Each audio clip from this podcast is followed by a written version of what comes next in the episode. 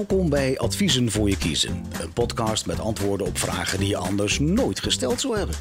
Dit zijn vele vragen op het gebied van werk, gezondheid en functioneren. Karin Hosmus is geregistreerd bedrijfsarts, extern vertrouwenspersoon, consultant en directeur-eigenaar van een bedrijfsgeneeskundig adviesbureau. Mijn naam is Victor Chevalier. Ik werk als trainer, coach en mediator voor het Transitie Instituut. Al decennia begeleid ik particuliere werknemers en werkgevers bij problemen en veranderingen. In deze podcast, eigenlijk de eerste echte, gaan we het hebben over wat doet nou eigenlijk een bedrijfsarts? En nou, ze zit hier naast me, dus ik kan er alles vragen. Hallo Karin. Dag Victor, dag. Goeiedag. Jij bent een echte, ja, zeker. echte bedrijfsarts. Een echte bedrijfsarts. Je hebt er één gevonden. Ja, Ik ben nog steeds zoekende.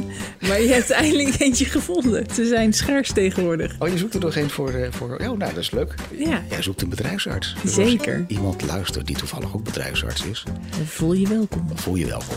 Eh, Zeker. gewoon naar info.praatkast.nl. Ik zorg wel dat die bij Karin uitkomt. Maar even serieus, Karin. Wat, wat doet een bedrijfsarts?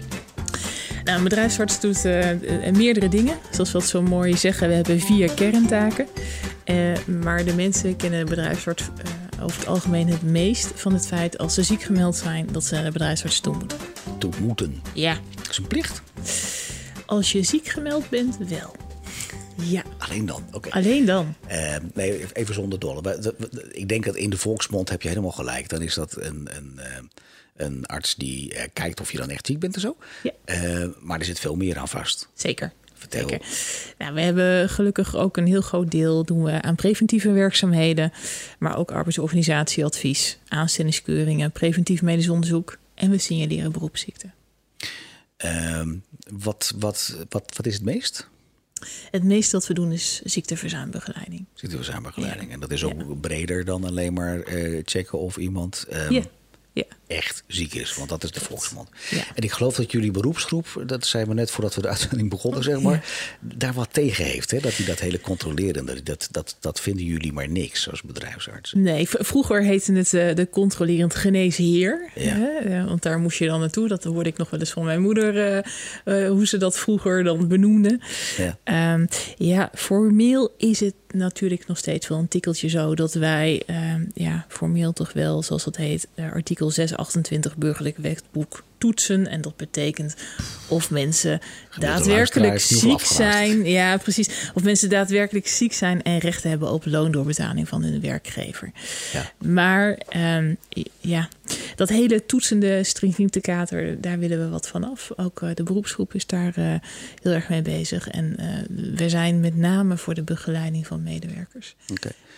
En, en als je dan een, een bedrijfsarts eh, neemt en een huisarts. ehm, ik ben ziek, ik ben eh, helemaal niet lekker. Ja, Ik ga naar de huisarts. Is- Dat is iets anders dan een bedrijfsarts. klopt. Of zit daar, zit daar wel overeenkomsten in? Er zitten verschillen, maar ook overeenkomsten in. We hebben beide, als het goed is, de opleiding geneeskunde gedaan. Dat is de basis. Dat eh. is de basis. En, dan vanuit ben je dat. Dan ben je dokter. Ja.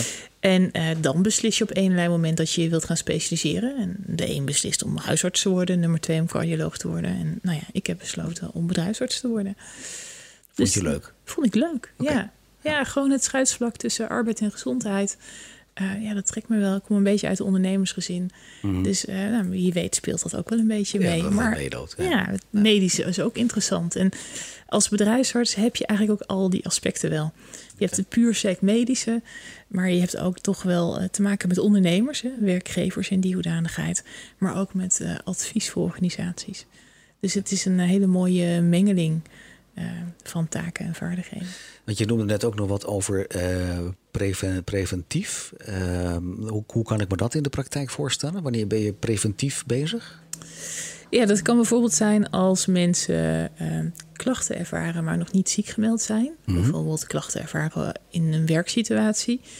Eh, dat ze toch contact zoeken om met je te willen sparren en te overleggen. Wat, eh, ja, wat kan ik doen om te voorkomen dat ik ziek word? Wat heb ik nodig?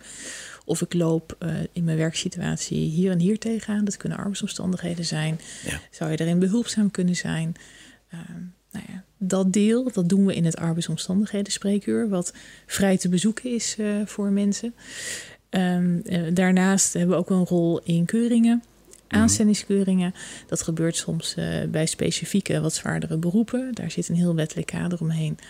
En we doen ook preventief medisch onderzoek. Dat is PMO heet dat tegenwoordig. Vroeger heette dat PAGO. En dat is eigenlijk dat je kijkt, beste werknemer, je functioneert in een bedrijf, in die functie en die kent bepaalde risico's. Levert dat geen gezondheidsschade op? Oké, dus, maar dat betekent dus ook dat de oude aanstellingskeuring... die bestaat niet in die zin meer... maar wel bij bepaalde beroepsgroepen waarbij dat belangrijk is. Correct. Kun je daar een voorbeeld van noemen? Van, van een beroep waarbij dat wel eens voorkomt? Ik denk zelf dan aan stratenmaker en knieën bijvoorbeeld, maar... Ja, daar, daar komt die bij een WW nog niet eens zo expliciet voor, maar eerder bijvoorbeeld bij politie. Ja. Uh, daar zie je hem denk ik nog wel eens voorkomen. Um, maar daar kun je ook indenken, hè? Dat, dat levert soms hele extreme omstandigheden waarin ze terecht kunnen komen. En vraagt ook bepaalde vaardigheden en karaktereigenschappen van iemand. Ja, dus dan, dan ga je daarop keuren, zeg maar. Ja, ja. ja. Um, is, is, er nog een, een vraag die ik als interviewer had moeten stellen aan een bedrijfsarts die jij nog niet kwijtgewild bent? dat is een hele bijzondere zinsnede. Nee, eigenlijk denk ik dat, je, dat, dat het wel echt in een notendop is wat een bedrijfsarts doet. Okay. Um, een van de punten nog, uh, wij zijn ook expert in signaleren van beroepsziekten en we dienen dat ook wettelijk te melden. Uh, dus daar kijken we bij iedere ziekmelding naar die voorbij komt, mensen die we spreken. Uh, om van daaruit ook verdere advisering te kunnen opstarten naar de werkgever. En, en dan dat advies ik, aan die werkgever is ook het meest belangrijke, denk ik bijna. Van, joh, ja. hoe gaan we met deze zieke meneer of mevrouw om? Ja, dat. Maar ook wat kunnen we hieruit leren? En wat ja. moet je misschien aanpassen op die werkplek... om ja. te voorkomen dat het meer mensen gaat treffen? Ja, oké. Okay. Okay. Dankjewel voor je toelichting. Eh, Graag gedaan. Uh, dit was een aflevering van Adviezen voor je kiezen, onderdeel van de Praat-kast. Een podcast met antwoorden op vragen die je anders nooit gesteld zou hebben. Veel vragen op het gebied van werk, gezondheid en functioneren. Als jij vragen hebt voor adviezen voor je kiezen, stuur dan een mail met je vraag naar info.praatkast.nl. Dat kan je trouwens ook doen gewoon via WhatsApp via de site. Deze podcast wordt je aangeboden door Hosmus Synergie en het Transitie Instituut. Met dank aan Hans Zeilmaker van Studio 0317 voor de nabewerking. En jij bedankt voor het luisteren naar Adviezen voor je kiezen. En graag tot de volgende aflevering.